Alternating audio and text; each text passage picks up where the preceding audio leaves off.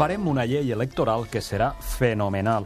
La gent anirà a votar com si fos un carnaval i un cop a més el vot tot serà celestial. Veureu, serà un sistema uninominal i plurinominal i també ancestral i real i virtual i també tindrem un bol de cereal. Universal, esclar, i terrenal. Podran votar marcians, humans, anglicans, huracans, paleocristians, charlatans, wagnerians i fins i tot els de Viladecans. Una criatura, un vot, o si vol, dos vots, tres vots, mil vots. La qüestió és fer de vots, yonquis de l'elecció, que puguin escollir el que els hi sembli més rodó. Una gallina amb el cap d'un moltó, un senyor amb dents de tauró o una nena amb cuetes a reacció. Que qui serà el guanyador? Aquí tothom s'endú un premi, una coliflor i una figureta de lladró.